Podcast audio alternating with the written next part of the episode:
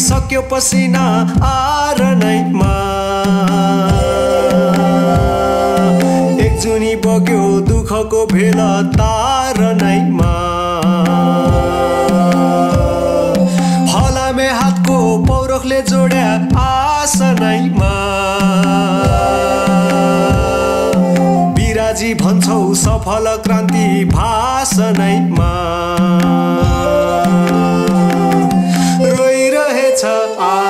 झै घरको आँगनैमा। तिमी सतमा छौ म बेपत्तामा छु। तिमी गतिमा छौ हामी रतिमा छौ। तिमी सत्तामा छौ म बेपत्तामा छु।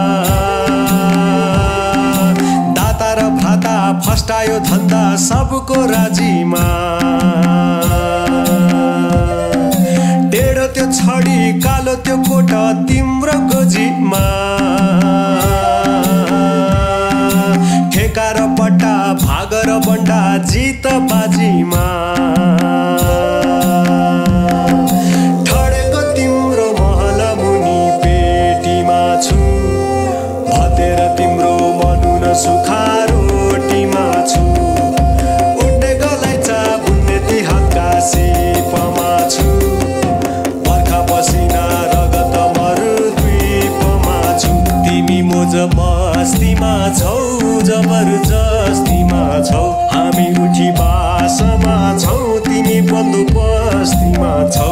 तिमी माटैमा छौ हामी माटैमा छौ। जेसन कुँवर दाईको गीतसँगै मैले सबैलाई स्वागत गरेँ म कैलाश नेउपाने। अहिले सरकार र नेताको चाल र जनताको अवस्था जेसन दाईले आफ्नो गीतमा भने जस्तै छ। नेताहरू सडकदेखि सर्वोच्चसम्मको यात्रामा छन् तर जनताको मुद्दाको लागि भने होइन। गोप्य भेटघाटमा छन् तर यो भेटघाट जनताको ज्यान कसरी बचाउने भन्नेमा होइन। यार कहिलेकाहीँ त जनताको आवाज र हाम्रो दैनिकी सहज बनाउने कुरामा पनि गोप्य भेटघाट गरे हुन्थ्यो नि। अह यस्तो आजसम्म भएको थाहा पाएको छैन मैले। यसो सम्झनुहोस् यदि त्यसो गरे हामीलाई कति रमाइलो र आनन्द लाग्थ्यो होला। जनता अहिले श्वास नै नपाएर मृत्युसँग सम्बन्ध गाँसिरहनु पर्दा पनि नेताहरू सत्तासँग सम्बन्ध गाँसिरहन लागि परेका छन्। के राजनीति यस्तै हुन्छ?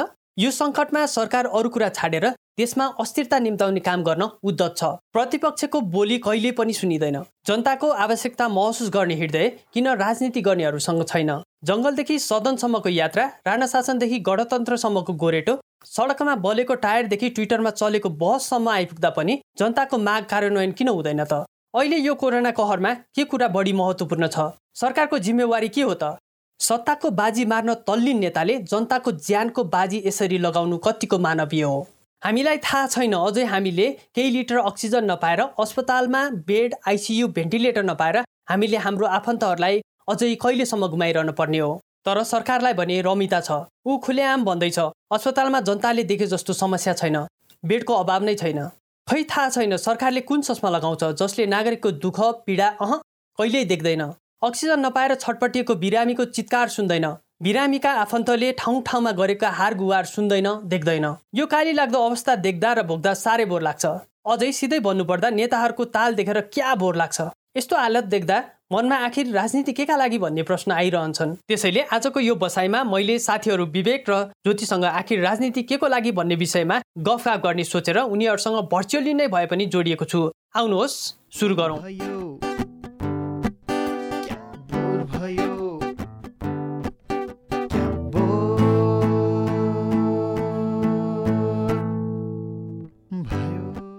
ज्योति विवेक तिमीहरूलाई स्वागत छ। हुन त आज हामीले के विषयमा कुरा गर्दैछौँ भनेर अघि नै मैले छलफल गरिसकेका छु तिमीहरूसँग होइन? फेरि पनि भनिदिइहालौँ आज चाहिँ हामी पोलिटिकल सिनारीमा रहेर चाहिँ हामी गफहरू गर्दैछौँ। किनभने यो राजनीतिक भनेको चाहिँ हरेक ठाउँमा चाहिँ हामीलाई प्रभाव पारिरहेको हुँदो रहेछ। यो चाहिँ एकदमै राजनीतिक चाहँदा नचाहँदा यसले हरेक कुरामा चाहिँ हामीलाई इन्फ्लुएन्स गरिरहेको हुन्छ र प्रभाव पारिरहेको हुन्छ यो रियालिटी कुरा हो। र अधिकांश जनताहरूलाई चाहिँ अहिलेको हाम्रो राजनीतिक गतिविधि देखेर चाहिँ धेरै नै दिक्क लागेको हुनुपर्छ र एकदम मलाई पनि बोर लागिरहेछ आजकलको यो राजनीतिक सिनारियो देखेर राजनीतिक गतिविधिहरू देखेर। त्यसैले अब आज हामी चाहिँ यस्तै राजनीतिक सिनारियोमा रहेर चाहिँ हामी आज कुरा गर्न गइरहेका छौँ। नेताहरूले जनताको हक हितको बारेमा चाहिँ अब के गरिरहेछन्? कुरा सुरु गर्न चाहन्छु म चाहिँ होइन? साथीहरूलाई अब तिमीहरूलाई चाहिँ के लाग्छ? तिमीहरूको चाहिँ अनुभव के छ? अहिलेको हाम्रो राजनीतिक सिनारी देखेर तिमीहरूलाई चाहिँ के लाग्छ त? विवेकबाटै सुरु गरौँ न कुरा। धन्यवाद कैलाश फर्स्ट अफ अल त अब एउटा शब्दमै भन्नुपर्दा चाहिँ मलाई के लाग्छ भने अहिले चाहिँ एउटा हड्डीको लागि चाहिँ थुप्रै कुकुर लडिरहेको जस्तो लाग्छ कि अहिले हाम्रो पोलिटिकल सिनारी देखेर। किन भन्दाखेरि अब अहिलेको यस्तो महामारीको बेलामा पनि आफ्नो सत्ता बचाउन बाहेक उनीहरू केही कुरामा पनि त्यो ध्यानै छैन कि अब जस्तै संसद दुईचोटि विघटन भयो अब सांसदहरू फेरि गएर अस्ति भर्खर कोरोनाको प्रोटोकलै नमानिकन गएर यस्तै धर्ना दिए होइन। त्यो सँगसँगै अब हाम्रो प्रधानमन्त्रीको त कुरै नभने क्या। त्यही भएर चाहिँ नि अब यो अहिलेको टाइम हेर्दाखेरि पनि सबैजना आफ्नो कुर्सी जोगाउन आफ्नो पद जोगाउन आफ्नो प्रतिष्ठा जोगाउन चाहिँ लागि परेको जस्तो लाग्छ मलाई चाहिँ। खासै जनताको लागि केही गरेको जस्तो चाहिँ लाग्दैन मलाई होइन? हेर कैलाश मलाई हाम्रो देशको राजनीति देखेर अब दिक्कै लाग्न थाल्यो।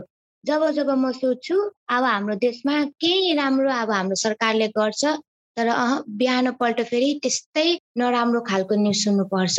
अहिले यस्तो कोभिडको बेलामा पनि हाम्रो सरकारको तर्फबाट के कस्तो आवश्यक कुराहरू गर्नुपर्छ सरकारले कति पो ठाउँमा बिरामी भएको व्यक्तिहरूलाई हेल्प गरेको छ त्यस्तो न्युज भन्दा पनि आज फलानु नेताले यस्तो काम गरेको छ फलानु नेताले त्यस्तो काम गरेको छ। अस्ति भर्खर केपी ओलीले संसद विघटन गरेको न्युज हामीलाई थाहा भएकै कुरा हो।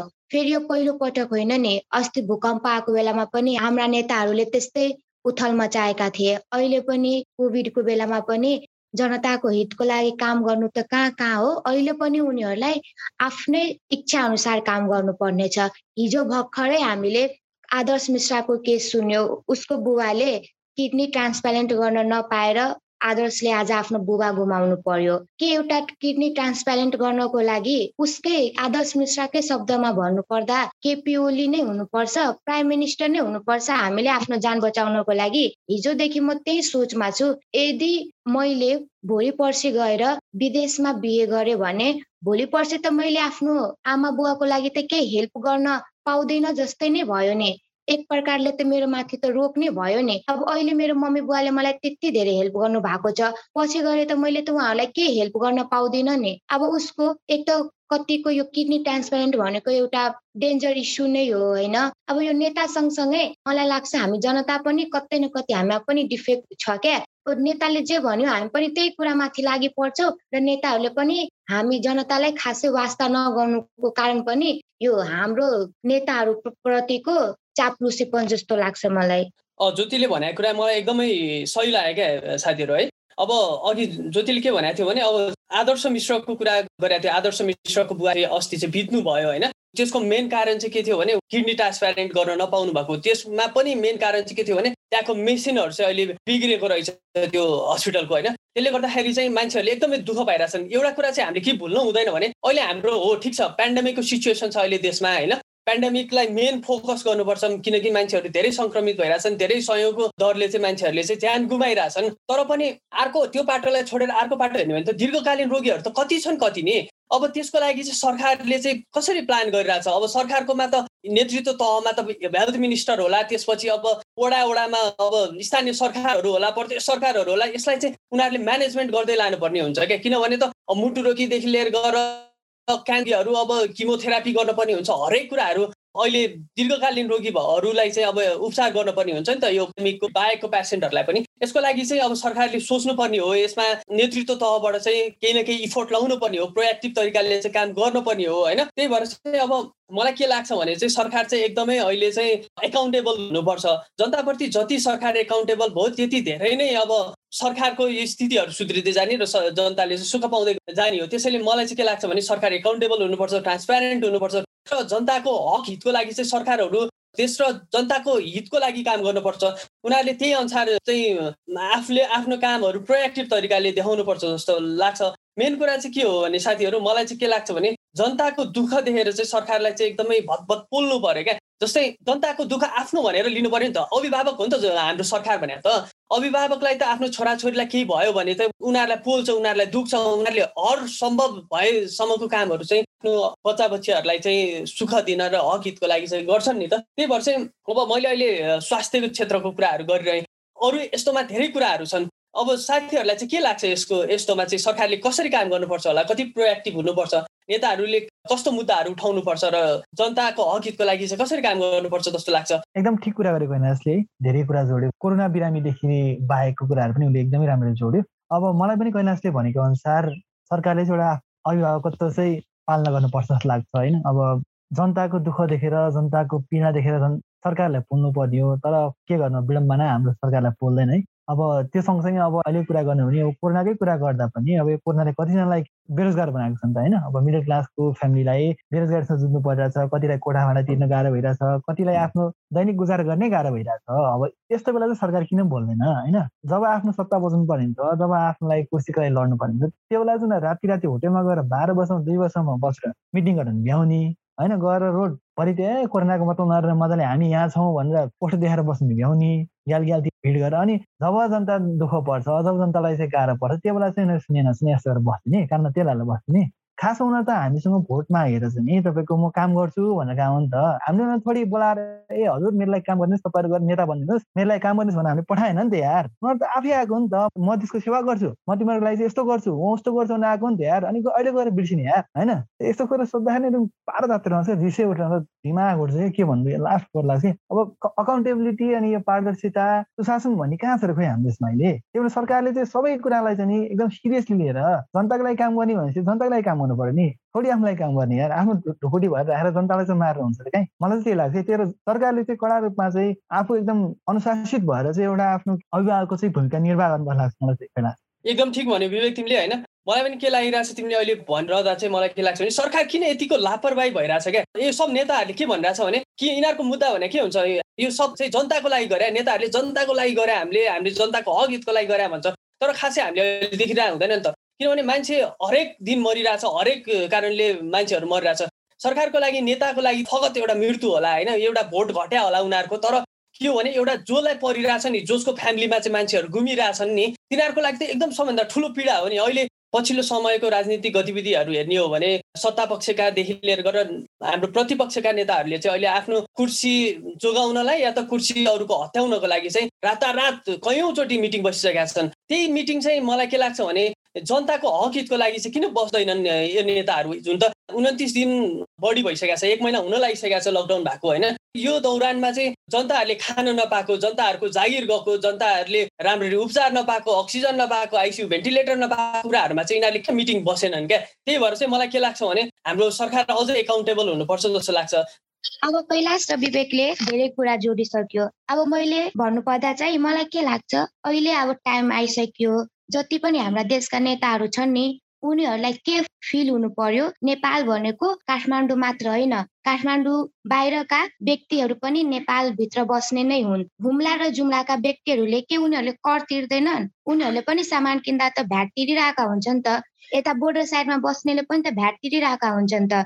तर अहिलेसम्म भ्याक्सिन किन हुम्ला जुम्ला र यता गाउँ एरियातिर गएको छैन? अस्ति भर्खर गाउँ गएको थिएँ।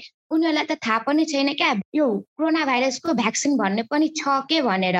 अब काठमाडौँमा दुई खोप लागिसक्यो। मैले यो भनेको होइन। त्यहाँको व्यक्तिहरूलाई फेरि मैले एक्युज गरेको जस्तो नलियोस् उनीहरूले। तर त्यहाँनिर काठमाडौँका व्यक्तिहरूले दुई खोप भ्याक्सिन लगाइसके। तर के हुम्ला जुम्ला त्यहाँका व्यक्तिहरूलाई हाम्रो सरकारबाट मास्क पनि गएको छ र यस्तो कोरोना भाइरसको बेलामा यता गाउँतिरमा बस्ने व्यक्तिहरूलाई उनीहरूलाई त थाहा पनि छैन क्या। कतिलाई त यो कोरोना भाइरस भने केही थाहा छैन।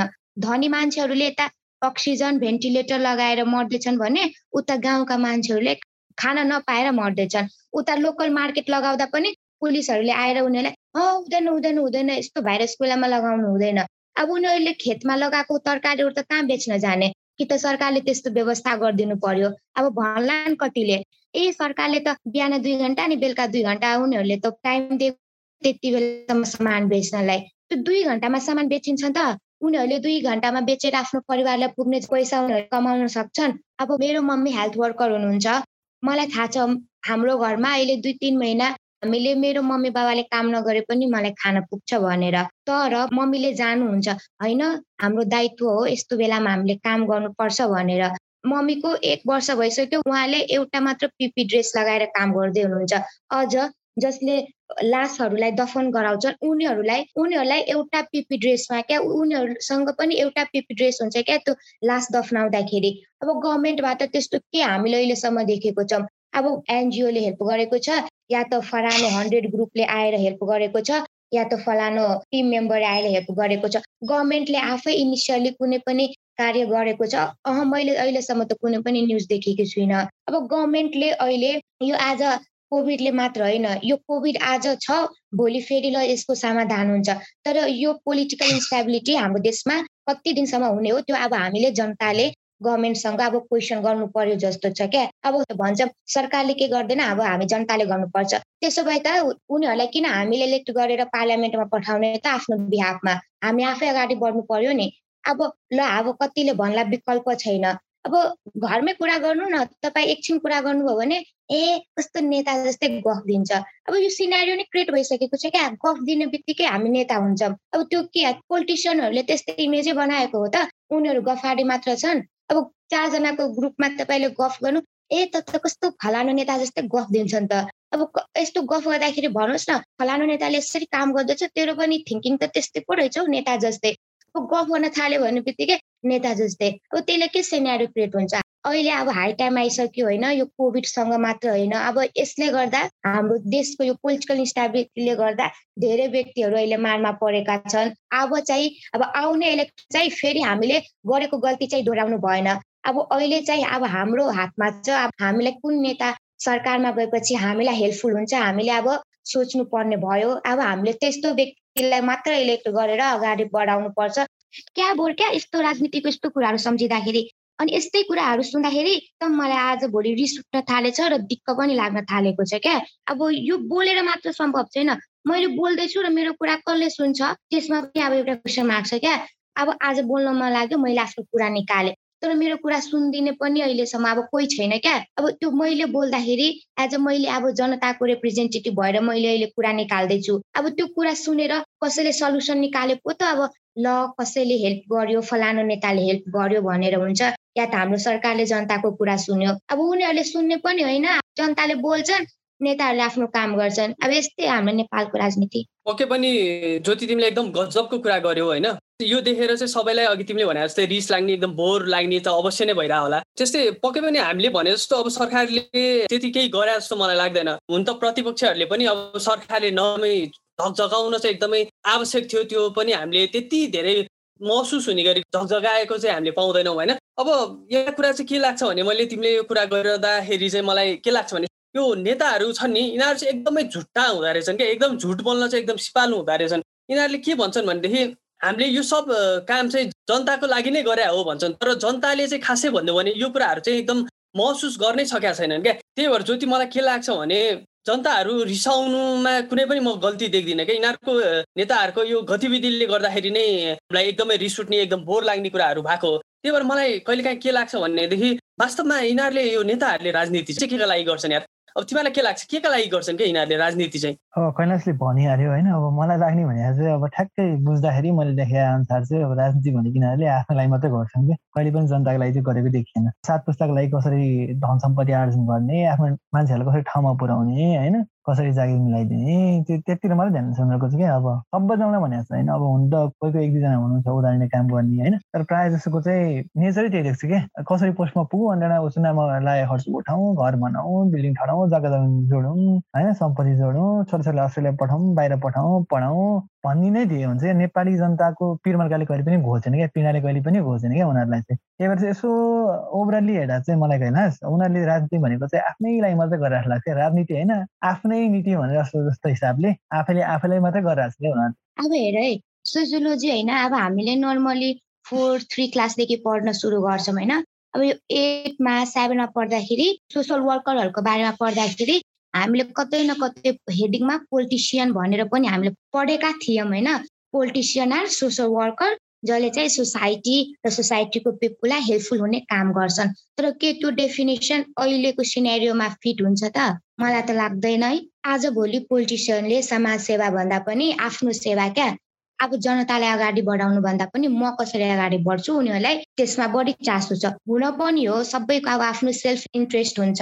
अब कसैले कुनै काम गर्दाखेरि अब आफ्नोलाई केही न केही इन्ट्रेस्ट त हुन्छ तर यो पोलिटिसियन यो सोसल वर्कतिर काम गर्ने व्यक्तिहरूको फर्स्ट प्रायोरिटी भनेको सोसाइटी हुनु पर्यो त्यसपछि आफू हुनु पर्यो।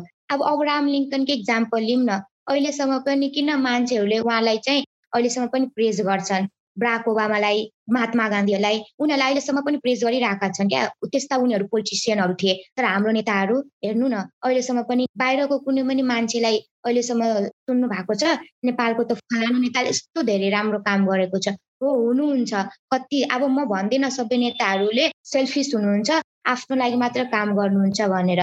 कति धेरैले समाजको लागि पनि काम गर्नुभएको छ। विपदमा पर्दाखेरि उनीहरूले पनि हेल्प गर्नुभएको छ। तर खासमा अब हामीले पनि हेर्छौँ नि नर्मली त अब स्कुलमा अब साथीभाइसँग अब हामीलाई प्रब्लम भएको बेलामा कुनै पनि साथीले हेल्प गर्दाखेरि अब हामीले अरू साथीभन्दा पनि हामीलाई प्रब्लम भएको बेलामा जुन साथीले हेल्प गरेको छ अब हामीले जिन्दगीभर त त्यही साथीलाई त प्रेज गरिरहेको हुन्छौँ नि। ए म बिरामी हुँदाखेरि मलाई आपत पर्दाखेरि मलाई फलानु साथीले हेल्प गरेको थियो मलाई फलानु साथीले नोट दिएको थियो भनेर अब हामीले त्यसरी याद गर्छौँ। झन् यो यस्तो बेलामा अब हाम्रो पोलिटिसियनहरूले अब हामीलाई हेल्प गर्दा त अब हामीले त्यसरी पो प्रेज गर्ने हो नि त। तर अहिलेसम्म पनि अब त्यसरी कुनै पनि पोलिटिसियन आएर नेता आएर म तपाईँहरूको कुरा सुनिदिन्छु भोट माग्ने बेलामा त कहाँबाट आउँछ उनीहरूलाई त्यस्तो डायलग म तपाईँहरूलाई यस्तो गरिदिन्छु त्यस्तो गरिदिन्छु विकास गरिदिन्छु यति धेरै हेल्प गरिदिन्छु। तर त्यो त पानासम्म मात्र सीमित हुन्छ क्या? उनीहरूको यो पोलिटिकल पार्टिजहरूको मेनिफेस्टोमा मात्र सीमित हुन्छ। यस्तो गरिदिन्छु। त्यस्तो गरिदिन्छु। लास्टमा गर्ने भनेकै आफ्नो लागि हो। त्यो यो समाज सेवा भन्दा पनि आफ्नो सेवा यो पोलिटिसियनहरूले अरूलाई भन्दा पनि आफ्नो काम भन्छन्। म ज्योतिको कुराप्रति चाहिँ एकदमै म एग्री गर्छु हन्ड्रेड पर्सेन्ट म एग्री छु। यो राजनीति केका लागि गर्छन् यिनीहरूले भन्दा चाहिँ अहिले चाहिँ हामीले अहिलेको सिनारी हेर्दाखेरि चाहिँ हामीले के महसुस गरिरहेछौँ भने उनीहरू चाहिँ उनीहरूको पावरको लागि गर्छन् उनीहरूको कुर्सीको लागि गर्छन् उनीहरूको सेवा सुविधाको लागि गर्छन् क्या यिनीहरूले राजनीति। यो चाहिँ खास गर्नु हुँदैन थियो। तर अब विडम्बनाको कुरा के छ भनेदेखि उनीहरूले चाहिँ आफ्नो हक हितको बारेमा मात्रै सोचिरहे आफ्नो सत्ताको लागि मात्रै सोचिरहे उनीहरू पावरमा रहिरहन मात्रै सोचिरहे। यस्तो कुराहरूमा चाहिँ राजनीतिज्ञहरूलाई चाहिँ कुनै पनि एक्सक्युज दिन चाहिँ हुँदैन जस्तो लाग्छ। अघि हाम्रो ज्योतिले भने जस्तै अब चाहिँ हामीले चाहिँ जनताहरूले चाहिँ अब सोच्नुपर्ने एकदमै स्थिति आइसकेको छ क्या। नागरिकहरूको यो कुराहरू छ नि यो अहिले हामीले कुरा गर्दै गरिरहेको सम्बन्धको नागरिक सम्बन्धित कुराहरूमा चाहिँ हाम्रो नेताहरू चाहिँ उत्तरदायी हुनुपर्छ जस्तो मलाई लाग्छ होइन? यस्तै गरी अब मलाई चाहिँ यो एउटा कुरा के पनि लाग्छ भने चाहिँ हाम्रो यो नेताहरूले चाहिँ हाम्रो भावना किन बुझिरहेको छैनन् क्या? खास भन्नु भने हामीले सही दिइरहेछ नि। हुन त अब हाम्रो जनताहरूमा चाहिँ एकदम सर्ट मेमोरी छ। यो नेताहरूले गरेको एक्टिभिटिजहरू चाहिँ हामी चाँडै बिर्सिन्छौँ र पछि तिनीहरूलाई नै हामीले जिताएर पठाउने परिपाटी हामीले देखिरहेछौँ। तर मलाई के लाग्छ भने राम्ररी यति गर्दाखेरि पनि हामीले सही दिँदाखेरि पनि कसौँ माइल हामी पहिलो लकडाउनमै हेर्ने हो भने पनि हामी हिँडेर घर गइदिएर चुक्क पनि गुनासो नगर्दा पनि हाम्रो जनताको भावना किन बुझिरहेछन् क्या? हाम्रो जनताको लागि चाहिँ यिनीहरूले हन्ड्रेड पर्सेन्ट दिएर उनीहरूले शत प्रतिशत दिएर चाहिँ उनीहरूले काम किन गरिरहेको छैनन् क्या? के लाग्छ तिमीहरूलाई यार? मलाई चाहिँ के लाग्छ भने यिनीहरूले जनताको लागि यिनीहरूले किन काम गर्दैनन् भने चाहिँ हाम्रो यो बानीले गर्दाखेरि क्या हाम्रो यो बिर्सिने बानीले र भोलि उनीहरू पाँच वर्षपछि उठेर आएपछि नै उनीहरूलाई नै जिताएर पठाउने उनीहरूभन्दा हामीसँग अप्सनै भएन क्या। त्यही भएर चाहिँ हामीले अप्सन पनि खोज्दैनौँ त्यही भएर चाहिँ हामीलाई चाहिँ जनताहरूको भावना चाहिँ यिनीहरूले बुझिरहेको छैनन् जस्तो लाग्छ। तिमीहरूलाई के लाग्छ? एकदम कैलाशले भनेको जस्तै अब एउटा कारण चाहिँ अब हामी जनता पनि एकदम सर्ट टर्म मेमोरी भएको भनौँ न जे कुरा पनि हामी चाहिँ एकदम इजिली दिदिने बिर्सिदिइहाल्ने खालको जनता छौँ हामी है। त्यो सँगसँगै मलाई अर्को लागेको कारण चाहिँ के हो भन्दाखेरि हामी चाहिँ पोलिटिकली लिटरेट छैनौँ क्या अझै पनि धेरै जस्तो जनता क्या अहिले पनि हाम्रो नेपालमा चाहिँ कस्तो एउटा परिपाटी छ भने जस्तै अब तिम्रो कुनै पनि घरमा चाहिँ कुनै परिवारमा चाहिँ बुवा आमा कुनै एउटा पार्टीको सदस्य हुनुभयो भने स्वत नै होइन? उसको छोराछोरी चाहिँ त्यही पार्टीको हुने प्रचलन छ कि एकदमै छ क्या अनि हाम्रोमा अनि अर्को एकदम नराम्रो कुरा के छ भने चाहिँ आफ्नो पार्टीले गरेको झेप्ने राम्रो भन्ने जस्तो सुकै काम पनि राम्रो भन्ने अनि प्रतिपक्षले गरेको अर्को पार्टीले गरेको काम चाहिँ नराम्रो खेदै खन्ने काम पनि गरिन्छ क्या। त्यही भएर एउटा पोलिटिकल लिट्रेसी पनि एकदमै जरुरी छ लाग्छ मलाई चाहिँ क्या। अनि हामी जस्तै युवा मान्छे नै अब के अरे पोलिटिकल लिटरेट भएनौँ भने कुन पार्टीले के गरिरहेको छ कस्तो पार्टीले कस्तो काम गरिरहेको छ भन्ने हामीलाई थाहा छैन। हामी हावा हुन लाग्छौँ नि कसरी चाहिँ देश विकास हुन्छ कसरी चाहिँ राम्रो मान्छेहरू ठाउँमा पुग्छन् क्या? कसरी चाहिँ राम्रो राम्रो प्रतिनिधिहरू राम्रो राम्रो नेताहरू ठाउँमा पुग्छन् त? पुग्दैन नि पक्कै पनि होइन? त्यही भएर चाहिँ हामी सबैले चाहिँ नि यो सबै घन्टा यसरी सबै बन्द गरेर आफ्नो देशको लागि आफ्नो लागि गर्ने नेता को छ त? आफ्नो प्रतिनिधि को छ? त्यसलाई छान्नुपर्छ जस्तो लाग्छ मलाई चाहिँ हो नि विवेकले भनेको कुरा एकदम ठिक लाग्यो मलाई। अहिले नि हामीले जुन यो ट्रेन्ड फलो गर्न थालेको छौँ नि अब मम्मी ड्याडी जुन पोलिटिकल पार्टिजबाट हुनुहुन्छ अब हामीले पनि त्यही पोलिटिकल पार्टीलाई समर्थन गर्नुपर्छ। अब एज अ इन्डिभिजुअल मलाई त्यो पोलिटिकल पार्टिजबाट नेताले काम गरेको मन परोस् न या नपरोस् फ्यामिलीले उसलाई भोट दिन्छ उसलाई सपोर्ट गर्छ मैले पनि त्यसलाई सपोर्ट गर्नु पर्यो मैले पनि त्यसलाई फलो गर्नु नै पर्यो। अब इक्जाम्पलकै लागि गाउँमा पनि अब वडा अध्यक्षलाई हामीले इलेक्ट गर्नु पर्दा सकेसम्म अब हामीले त आफ्नो चिनेको मान्छेलाई इलेक्ट गर्छौँ नि होइन? सो भोलि पर्सि अब हामीलाई के हुन्छ? अब मैले यो मान्छेलाई इलेक्ट गरेपछि पछि यसले मलाई मेरो फेभरमा हुने खालको गर्छ। हामीलाई थाहा छ उसको बानी राम्रो होस् नहोस् ऊ त्यति क्यापेबल छ कि छैन उसमा लिडरसिपको क्वालिटी छ कि छैन त्यही पनि हामीले भोलि पर्सि मलाई राम्रो होस् मेरो हितको लागि काम गरोस् मलाई एज इन्डिभिजुअल बेनिफिट होस् त्यसैले हामीले आफ्नो चिनेको मान्छेलाई इलेक्ट गर्छौँ। अब यहीँबाट अब एउटा हुन्छ नि जनतामा पनि एउटा लोभ जस्तो हुन्छ क्या। अब यो कुराहरू सुन्दाखेरि मलाई चाहिँ यो कार्ल मार्क्सको थ्योरी चाहिँ एकदम सही लाग्छ क्या। अब तिमीसँग मेटेरिस्टिक थिङ छ भने नन मेटेरिस्टिक थिङ तिमीमा आफै आउँछ क्या। अब यो पावर पोलिटिक्स यदि तिमीसँग यो दुइटा कुरा छ भनेपछि यो यो माया प्रेम यो इमोसन योहरू आफै आउँछ। त्यस्तै हो अब अहिले। अब यो नेताहरू यो पोलिटिसियनहरू छन् नि पोलिटिक्समा जानु भनेकै उनीहरूले पावर अनि पोजिसनको लागि छ। अब इक्जाम्पल हेरौँ न अब आफ्नै फेरिफेरीमा जोसँग अलिक बढी पावर छ जोसँग अलिक बढी पोजिसन छ अब हामीले त्यही व्यक्तिको चाकरी गर्छौँ त्यही व्यक्ति हो राम्रो हो फलानुले भनेको कुरा ठिक हो। त्यही जस्तो लाग्छ नि। ज्योतिले यो कुराहरू भनिरहँदाखेरि चाहिँ मलाई के लाग्छ भने हामीलाई नेताहरूले चाहिँ एकदम लाइटली पनि लिइरहेछन् जस्तो लाग्छ। अब हामीले के गर्नुपर्छ भनेदेखि चाहिँ अब यो नेताहरूलाई चिन्नु पऱ्यो क्या? यिनीहरूलाई बिर्सिनु भएन। जसले चाहिँ हाम्रो काम गरिरहेको छैन नि हाम्रो हकितको लागि गरिरहेको छैन नि। यिनीहरूलाई चाहिँ अब हामीले बिर्सेर बिस्तारै अब चुनाव आउँदैछ। यो चुनावहरूमा चाहिँ हामीले यिनीहरूलाई बिर्सिनु भएन क्या। फेरि पनि अब हामीले त्यस्तै मान्छेहरूलाई इलेक्ट गरेर जुन चाहिँ राम्रो छैन त्यस्तोलाई चाहिँ इलेक्ट गरेर अब जानु हुँदैन जस्तो लाग्छ मलाई होइन? अब यसमा चाहिँ जनताले एकदम राम्रो भूमिकाहरू पनि एकदम निर्वाह गर्न चाहिँ एकदमै मैले जरुरी देख्छु क्या। जसले गर्दाखेरि चाहिँ हामीले चाहिँ राम्रो नेतृत्वहरू पाउन सकौँ होइन? अब मैले होइन भनेको जस्तै अब फर्स्ट कुरो चाहिँ हामी युवाहरू अझै मेन गरी पोलिटिकली लिटरेट हुन सक्नु पऱ्यो क्या। बुवा आमाबाट इन्फ्लुएन्स भएर हामी पार्टीमा लाग्ने होइन कि हामी कुन फुलेसरी फलो गरिरहेको छौँ त्यो अथवा कुन पार्टीको त्यसमा फलो गरेर त्यो देखेर बुवाले बुझेर लाग्नु पर्यो क्या त्यसरी क्या। हामी उही त्यो पुरानो कुरामा अल्झेर ए यस्तो हो बुवा काङ्ग्रेस मेरो म पनि काङ्ग्रेस बुवा एमाले मेरो म एमाले भनेर लाग्नु भने क्या।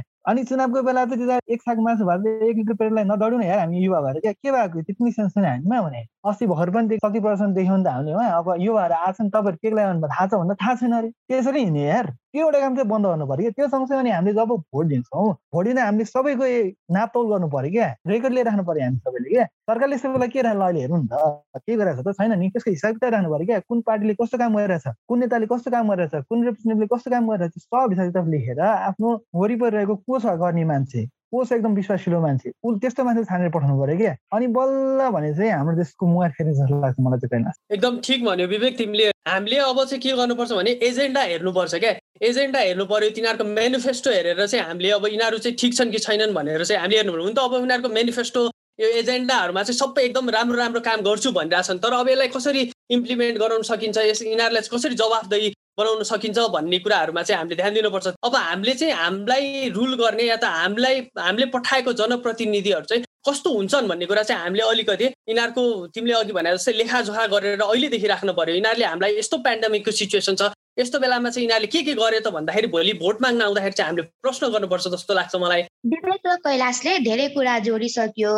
मलाई के लाग्छ भने अब अहिले आएर अब हामीले चाहिँ नेताहरूलाई चाहिँ चेतावनी दिनु पर्यो। यदि मेरो भोटले उनीहरूलाई मैले सरकारमा पुर्याउन सक्छु भने मेरो भोटले उनीहरूलाई म सरकारबाट तल पनि झार्न सक्छु। त्यतिको चाहिँ सक्षम अब हामी हुनु पर्यो। अब यदि उनीहरूले अहिले आएर मेरो हितको लागि काम गरेको छैन भने पछि म गएर उनीहरूलाई किन भोट दिनु? अहिले अब हामीले कुरा गर्दैछौँ। मैले पनि कुरा गर्दैछु। मैले अहिले यति धेरै आफूमा भएको रिसहरू सबै पोख्दैछु।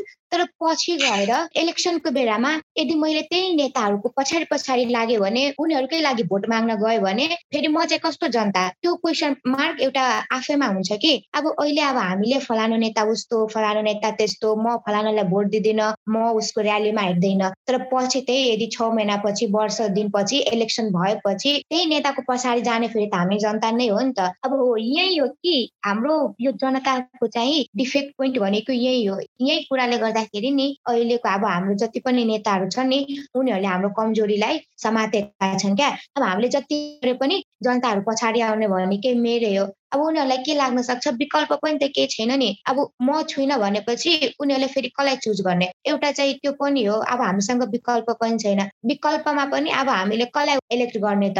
हाम्रो सरकारलाई ध्याउन केमा छ त भने उनीहरूलाई सत्तामा छ क्या। उनीहरूलाई सत्ता जोगाउनको लागि चाहिँ उनीहरूले दिनरात मिटिङमा छन् उनीहरूको कसरतमा छन् क्या दौडधुपमा छन्। जहाँ कि सरकार आफ्नो कुर्सी बचाउनु ध्याउनमा छ भने हामी जनताहरू चाहिँ एक सिलिन्डर अक्सिजनको लागि चाहिँ हामी चाहिँ दौडधुपमा छौँ। हामी हाम्रो ज्यान जोगाउनलाई चाहिँ दौडधुपमा छौँ। अस्पतालमा गएर चाहिँ आफ्नो आफन्तलाई बचाइदियाओ भनेर एकदम दुःखका साथ भन्नु परेको छ। एकदम पीडामा छौँ। त्यसैले फेरि पनि मलाई के भन्न मन लाग्छ भने हाम्रो सरकारहरू अहिले हाम्रो अघि सुरुमा जेसन दाईको गीत सुन्दै गर्दाखेरि पनि सरकारहरू साँच्चीकै सत्तामा छन् क्या? तर हामी बेपत्ता छौँ हाम्रो कसैले वास्ता गरेको छैन जस्तो महसुस भइरहेछ। त्यसअघि साथीहरूले भने जस्तै मलाई के लाग्छ भनेदेखि अबको आउने चुनावमा चाहिँ हामीले यिनीहरूको हिसाब किताब एकदम लेखेर राख्नुपर्छ क्या। हुन त अब हामीले केही नेताहरूले काम गरेका छन् होला जस्तै मैले हिजो मात्रै एउटा न्युज पढाएको थिएँ त्यसमा चाहिँ के छ भने हाम्रो गगन थापाले चाहिँ आइसोलेसन सेन्टरहरू बनाउनु भएको रहेछ होइन? अक्सिजनहरूको व्यवस्थापन र फ्री एम्बुलेन्सको पनि व्यवस्थापन उहाँको निर्वाचन क्षेत्रमा बनाउनु भएको रहेछ। यस्तै यस्तै कामहरू चाहिँ अरू नेताहरूले पनि गरून् भन्ने चाहना हो हाम्रो। त्यसैले पनि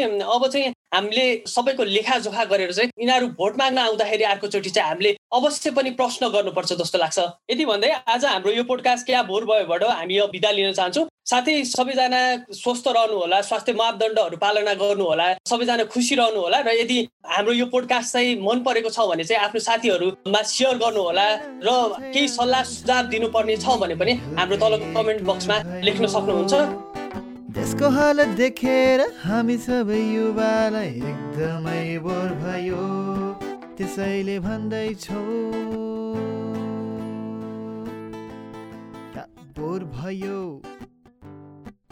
क्या बोर भयो?